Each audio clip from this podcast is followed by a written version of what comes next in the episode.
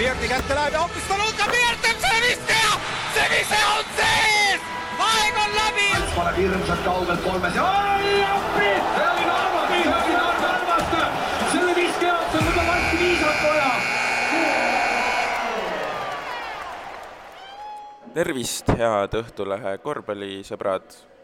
kuulate taas kord viiendat veerandaega, taas kord oleme eetris Milanost, minu nimi on Hindrek Pärg ja nagu ikka, on minuga siit koos Rasmus Voolaid.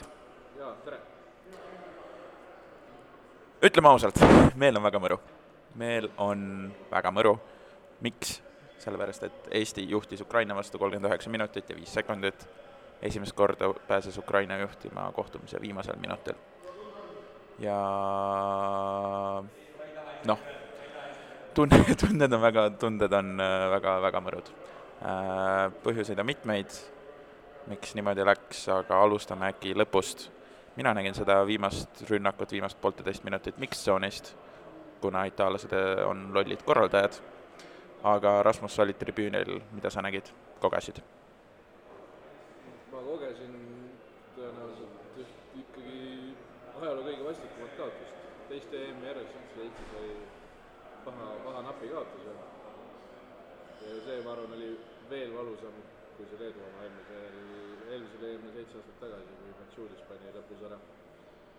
täna läks siia, nii palju hinge läks seda mängu sisse.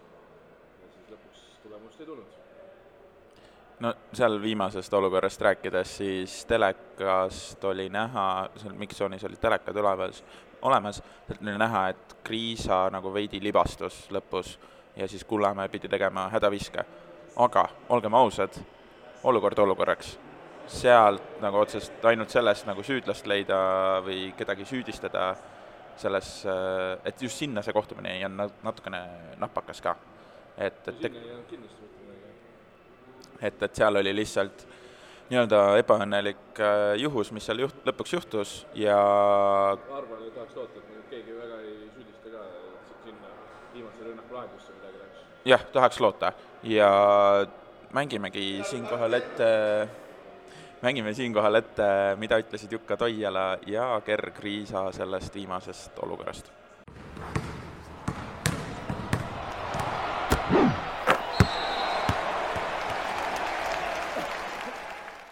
Mängijad suures plaanis täitsid seda viimase Eesti rünnaku plaani viimastel sekunditel? no p- jah, et siin oli kaks varianti, et eh, kahjuks, kahjuks eh, Kerril siin, kui ta läks ründama, ründama, tal oli kaks varianti ja ta läks ründama ja meil oli nagu, mõte oli see, et kui ta saab mingi eelise, et ta võtab vea ära, aga tal läks vist kinglandus. Libises, ta ütles libel, jah. jaa, et siin lõpuks tunduski, et igal poolel oli selline, et mm. -hmm. mängijad oli rohkem seal, seal väljakul, kui, kui jooksevad, et eh, ma ei tea see vabaviske ringi kleeps vist oli jah, oli see libe koht jah? et, et tundus, ma ei tea mm, -hmm. ma ei Mhm. ole näinud videot, aga tundus, et kahjuks tal läks nagu see jalg alt, et äh, siin oli eelis tehtud juba ja mm, Mhm. -hmm. ja, ja et enam-vähem jah, et neid olukordi peab harjutama ja, ja eks me kõik mo- vaatame siin neid viimasi momenti ja, ja nendega peab nagu k- õppima, et NBA kutid panevad kõik, oskavad need kõik veel teha ja meile, meile nüüd juhtus niimoodi ja, ja, ja aga ma, ma ei kerri süüdista üldse mm -hmm. siin, et äh, läks jalg alt ja nii läks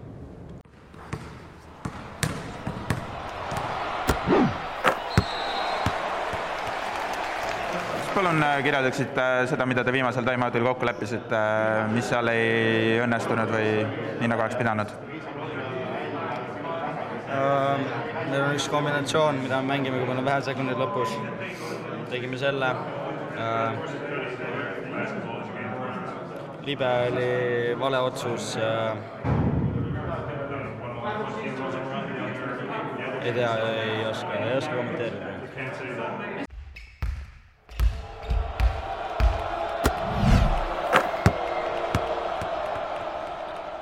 Mõtted kuulatud äh, sellest viimasest olukorrast äh,, aga nagu ennist ütlesime ka, siis tegelikult mäng ei oleks pidanud üldse minema nii nugade peale. seal oli, läks varem juba mingeid asju valesti. jaa, no tegelikult, tegelikult ei oleks pidanud Ukraina juhtima minema, see, see ko- olukord, kus nad said korvi, see oli ülihea kaitse. noh, Trell pani ju käe peale Mihhail Juki viskele, lihtsalt ebareaalne, ebareaalne, mis seal Kotsanil juhtus. Kotsanist jõudis täpselt pilgu enne äh, ära pöörata korvi suunas, kuhu pall pidi ju lendama, aga täpselt enne seda ilmselt, kui pall oli käest lahti löönud, aga vist mitte jõudnud veel tralli käed pihta või ma ei tea, kuidas nii ebaõnnelik, äh, nii õnnetu oli, aga jah vaatasin seal tribüüni peal ringi, meedia tribüüni peal ka Delfi kolleegidele arutasime, et see ei saa juhataja otsustada. ja siis see oli otsus aga nagu noh, selles, mida ka peatreener ütles pärast kohtumist, et äh, mingid väiksed asjad, üks-kaks eksimust, mis, mis tulevad sisse, need saavad saatuslikuks. Toial ütles pärast mängu, et tegelikult tehti terve kohtumine kaitses väga head tööd ja tegelikult see lõpu, see rünnakust, rünnak, millest Ukraina läks lõpuks juhtuma, oligi ju tegelikult väga hea kaitse, nagu sa ütlesid. aga lihtsalt need väiksed detailid, see väikene ebaõnn, et Kotsar keerab just siis palli äh,, palli pealt silmad ära. et nagu hakkab minema lauda, kus ta Kotsarilt igastahes nagu väga hea esitus, et noh, see on noh, täiesti loterii jaa, selline, selline tunne on küll nagu päisipäeval rööviti lihtsalt. oli ju, võit oli käes juba, aga aga kui te, kui teil on väikene tunne, et äh, me heietame, siis me tegelikult heietame, sest me äh, üritame siiamaani kohtumise lõppu vilesta möödas praeguseks natukene üle pooleteise tunni ja me siiamaani üritame nii-öelda siis äh, läbi mõelda, endale ka selgust äh, tuua täpselt, et nagu mis seal lõpuminutitel äh, juhtus äh,, küll aga äh, saame öelda, et äh, terve see kohtumine oli võitluslik, see atmosfäär saalis, kui, kuigi küll seal oli ainult äh, noh, circa kaks tuhat kopikatega võib-olla fänni, kellest küll üheksakümmend üheksa protsenti olid täiesti Eesti fännid, aga ainuüksi nemad suutsid tekitada väga, väga ägeda ja vinge sellise jah, atmosfääri. jaa, mulle tundub, et, äh, et see saal on päris hea korvpalli mängimise saal, sest kuidagi see akustika on, on nagu väga paigas. Kõvasti parem kui Saku Suurhallis. saalis oli, saal oli veerand täis, aga, aga, aga nagu noh, oli selline tunne, nagu oleks siukses mõnusas väikses kokku pakitud saalis ikkagi jah, seal plussiks räägivad, lähevad see, et äh, tribüünid lähevad hästi mm, järsult üles ja tähendab seda, et nagu viimased read on ka kuidagi nagu selle nii-öelda ingliskeelne väljend on top of the action, ehk tegelikult ei ole palliplatsilt üldse kaugel.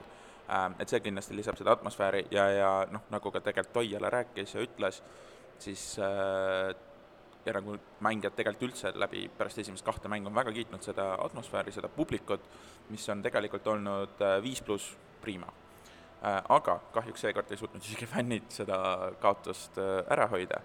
et ma arvan, et siin võib-olla võiks natukene kerida kohtumises aega tagasi kuskile sinna kolmanda veerandi keskpaika, kus Eesti oli pärast poole pausi uuesti väga hästi alustanud, nagu kohtumise algus oli fantastiline. kümme-null, mängijad nii-öelda fiilisid kõike, olid täiega mängus sees loomulikult Ukraina ei ole nõrk meeskond, nemad tulid tagasi, aga kuskil seal kolmanda veerandi keskpaigas äh, tulid äh, Eesti äh, rünnakule, nad olid juba üheksa punktiga juhtimas, kui ma ei eksi, siis seis oli nelikümmend viis, kolmkümmend kuus või midagi sellist äh,, ja Ger võttis, Ger Kriisa, kes muidu tegi taaskord väga hea mängu, Äh, võttis natukene liiga kauge kolmese, kui viskeaega oli jäänud mingi üheksa-kümme sekundit.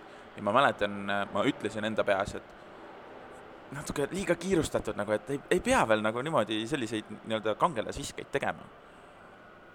jaa, mõned, mõned üksikud tõrvatigad, Gerd Kriisa minu arust suurepärases partiis.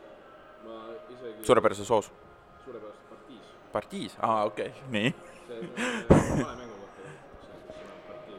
tõsi. siis kasutasime siin ja siis tegelikult Kriisa sai jõhkralt kiita, kiita eile, kui ta pani kakskümmend punkti, viskab üheteistkümnest kaheksa. täna viskas kõigest üheksast kaks, aga ma kiidaksin teda veel rohkem tänase esitusest kui, kui eilsest. see oli kuidagi, täna, tänane oli kuidagi küpsema mängumehe, küpsema ja kogenuma mängumehe nagu mäng, kus ta dikteeris seda tempot, ta dikteeris mängu, ta tegi seda, mida mängujuht tegema peab, ta liigutas palli vasakule-paremale ja, ja, ja pall jõudis korduvalt korvi alla, kus siis Maik-Kalev Kotsar sai tänu sellele veel parema mängu võib-olla, kui Kriisa tegigi. Aga Kriisal tulid ka sisse mõned, noh, seesama kolmene, ma mäletan ka seda väga hästi, see oli selline, see oli just koht, kus hästi sai nagu tõmbitsenud taha, hakkas nagu vaikselt vahet sisse kerima, aga siis ilmselt Kriisa mõtleski, et praegu on nagu tal see väike puhver olemas, annab ära, siis on nagu jõhkralt hästi kõik, kui ei pane ära, siis väga hullu ei ole. ei olnudki väga hullu, aga, aga jõhkralt hästi käinud jah, et need on need väiksed, jälle need pisidetailid, pisidetailid ka, mida Kerr ütles pärast kohtumist, et mis sai otsustavaks, ta ütles pisiasjad, pisiasjad. ja vot sellised pisiasjad on kindlasti elemendid, mis said lõpuks Eestile saatuslikuks natukenegi, et, et noh, ongi lõpuks väiksed pisiasjad, kümme pisiasja teeb kokku äh, ühe suure asja, et äh, ja sealt tulebki näiteks, ma ei tea, miinus kaks, miinus kolm üks asi veel, loomulikult Kerri kohta rääkida, siis viskad küll väljakult äh, üheksast kaks, aga Eesti seitsmeteistkümnest resulti-, resultatiivsest söödust andis tema tervelt, vabandust, üheksateistkümnest resultatiivsest söödust andis tema tervelt kaheksa. et ilmselgelt oli mees nagu, oli mängujuht, nagu mängu mängujuht, et äh, tema dikteeris iga kord, kui oli tema lipp palliplatsil, et te, läbi tema käis kogu aeg mäng. ja kui sa mainisid Kotsarit, siis ma arvan, Kotsar maadles täna NBA tsentri Oleksi Lenniga ja ütleme nii, et võitjaks jäi Kotsar. ilma küsi-, ilma küsimused, küsimusteta. see paan läks väga selgelt Kotsarile üle. kui Ukraina mängib otsustavaid minuteid mängu lõpus, ilma oma kümme aastat NBA-s mänginud ja ilmselgelt parima mängiga, mängijata. kes on, seda ma ei ole kindel, et ilmselgelt parim. Mihhail Juka, okei okay,, noh, jah, siiski kindel liider, üks liidritest. kes, on ka väga heas vormis, seda näitas eile, eile, kus ta ikka nagu väga normaalselt liikus ringi, viskas ja nii edasi, täna seitsmest kaks viskat Kotsarile vastu seitseteist minutit. ja tal ei olnud ka mingit vigade probleemi, ta tegi kokku ühe vea, mis ei olnud ka see, et ta tuli minutit, minutit kiiremini, siis tal on vigased, ei lihtsalt, Kotsar lollitas seda. korduvalt. meenub see Koster kolmandal veerandajal ja siis neljandal veerandajal just otsejoone kaudu, oli siis neljandal? Äh, see oli jah, kuskil seal. just ta otsejoone kaudu lihtsalt, lihtsalt ära keerutas korvi alt, üsna raske viska tabas, see oli ilus vaadata, kuidas meie mees teeb nagu väga NBA mehe vastu. Jah, ja loomulikult noh, kindlasti üks asi küll, kui natukene visata võib-olla ka treenerite kapsaaeda seda kaotust natukenegi. siis enne kohtumist rääkis Toiala, enne kohtumist ehk siis eile reede õhtul pärast Itaaliaga kohtumist, et Ukraina mängib kahte stiili. kas ta mängib väga pikkade meestega või ta mängib väga lühikeste meestega. Toiala ütles sellised sõnad, et noh, ta ei tea, et kumb variant on nagu kummale parem. ehk siis kas kas pikk variant on Eestile parem või Ukrainale ja kas lühike variant on parem kas Ukrainale või Eestile omakorda, eks ju. Aga Ukraina tegi ilmselgelt kolmanda veerandi keskpaigas, neljanda veerandi alguses tegi selle vahetuse, et nad läksid selle lühikese koosseisuga välja äh, Eesti vastu ja Eesti jäi ilmselgelt rünnakul hätta.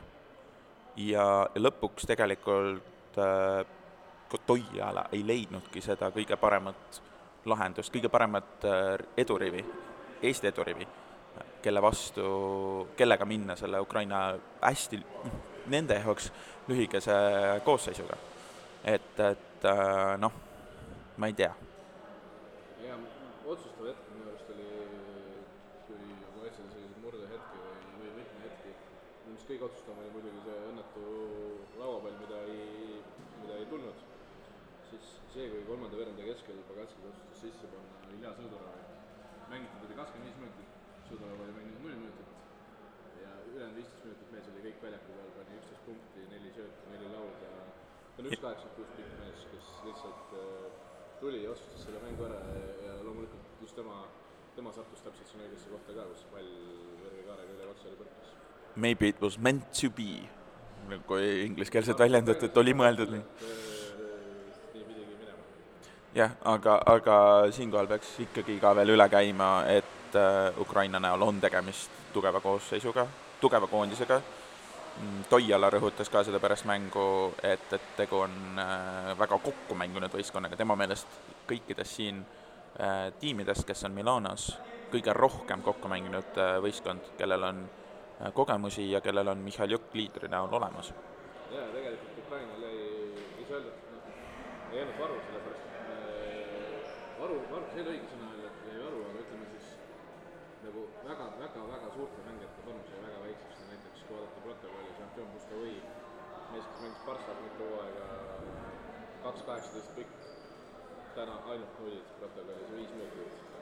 ja see on niisugune tubli lauapall oma pikkuse juures. ei, Eesti tegi pikkade vastu väga hea töö ja vaieldamatult, kui nagu see on üks plusspunkt tänase päeva jooksul, aga noh, tore, ühe asja võtad ära vastastelt, aga noh, siis tuleb Sõdorov äh,, Sidorov, kuidas öelda, Sõdorov, jah ähm, Sõdorov eesti keeles, et äh, tuleb ja teeb lihtsalt ära ja ongi. et, et noh, see ikkagi nagu noh, nagu ilmselt saate aru, oleme veidi, veidi nõuti ja nagu mängu on väga keeruline poolteist tundi hiljem analüüsida, et ähm, mis teha. tundma, kes analüüsis seda mängu umbes tund kakskümmend viis minutit tagasi. Jah, et äh, seda oli, seda rõhutas nii Toiala kui ka seda oli nagu, endal oli selline emotsioon ka, nagu kolleeg Delfist äh, ütles siis, et ennekõike oled fänn ja siis oled ajakirjanik, nagu me ilmselt siin kõik oleme, kes on Eesti ajakirjanikud, et, et äh, meie, kui meil on juba raske poolteist tundi hiljem, siis mis, millist emotsiooni võivad veel täpselt need mängijad tunda. et äh, ma ei ole nii nukrat äh,, nukraid Eesti koondislasi näinud aastaid ja aastaid ja aastaid, kui nad sealt kõik järjest äh, mixed-tsoonist kohustuslikus korras pidid läbi jalutama. et see oli jah, nii, see oli valus jah. üks asi, millel vist peaks veel teatama, on ikkagi see, kuidas Eesti seda lõppu mängis, väga, väga kõnekas ilma Siim-Sander Vene, Siim-Sander Vene ei käinud viimasel minutil Venemaal väljakul. teisel poolel kahekümnest minutist kuusteist mängis Kitsing ja neli mängis Vene. ja Kitsing tegi väga hea esituse. Kitsing tegi väga hea esituse, üks põhjus, miks Kitsingut sageli kasutada ei saanud, oma kaitsemäng oli, see oli ka, ei olnud päris Vene tasemel, seal tuli ikka apsakaid sisse, aga aga see, ütleme nagu Nii-öelda net positiivne oli temal kõrgem. mida, Kitsingult sai, seda, mida Kitsingult sai ja mida Venet ei saanud, kaalus üle, selle, et Vene on kaitses kinni või Kitsing. jah, et äh, selles mõttes igastahes äh, väga hea kokkuvõttes esitus Kitsingolt äh,, Vene on ikkagi see nii-öelda see slamp või nii-öelda see mõõn temal, laias laastus võib öelda küll nii, jah. ja samuti peaks ära mainima ka Sten Timosoku, kes äh, mängis kuus minutit, pääses avapoolel platsile, teisel poolel, kui ma ei saanudki kordagi, aga mees, kes oli muidu Itaalia vastu pingil, tegi need kuus minutit väga head laias laastus, natukene lõpus väsis ja üks selline loll olukord tekkis, aga laias laastus üks loll pallikaotus tema tõttu tekkis aga laias laastus ka väga, väga tubli esitus. Aga- kõik, tegid, kõik, kõik Jah. tegid oma minutid ära, see pikk rotatsioon täna õigustas. aga, aga laias laastus ma arvan, see, kui me räägime suurtematest Eesti koondiste ootustest ja me tegelikult, me peame tõdema siin, et Eesti tegi väga korraliku mängu. ja me kaotame Ukrainale ühe punktiga. See on omamoodi kõnekas, et me ei saa mitte midagi selle vastu teha. Eesti koondise praegune tase on selline, Eesti koondise tase praegu minu meelest on kõvasti kõrgem, kui oli seitse aastat tagasi, aga lisaks meile on edasi liikunud ka muu Euroopa. siis me võitsime Ukraina, aga li-, noh, meil on olnud generatsioonide vahetus ja noh, natukene igal pool mujal niimoodi, aga vahe on lihtsalt selles, et me, meie ei arene ainsana, vaid areneb ka muu maailm ja selle aasta EM on vaieldamatult märksa, märksa tugevam kui seitse aastat tagasi. jaa, järgmine samm Eesti koondisel peaks olema see, et äh, neid mänge hakata nüüd võitma ka, sellepärast et õppekoht.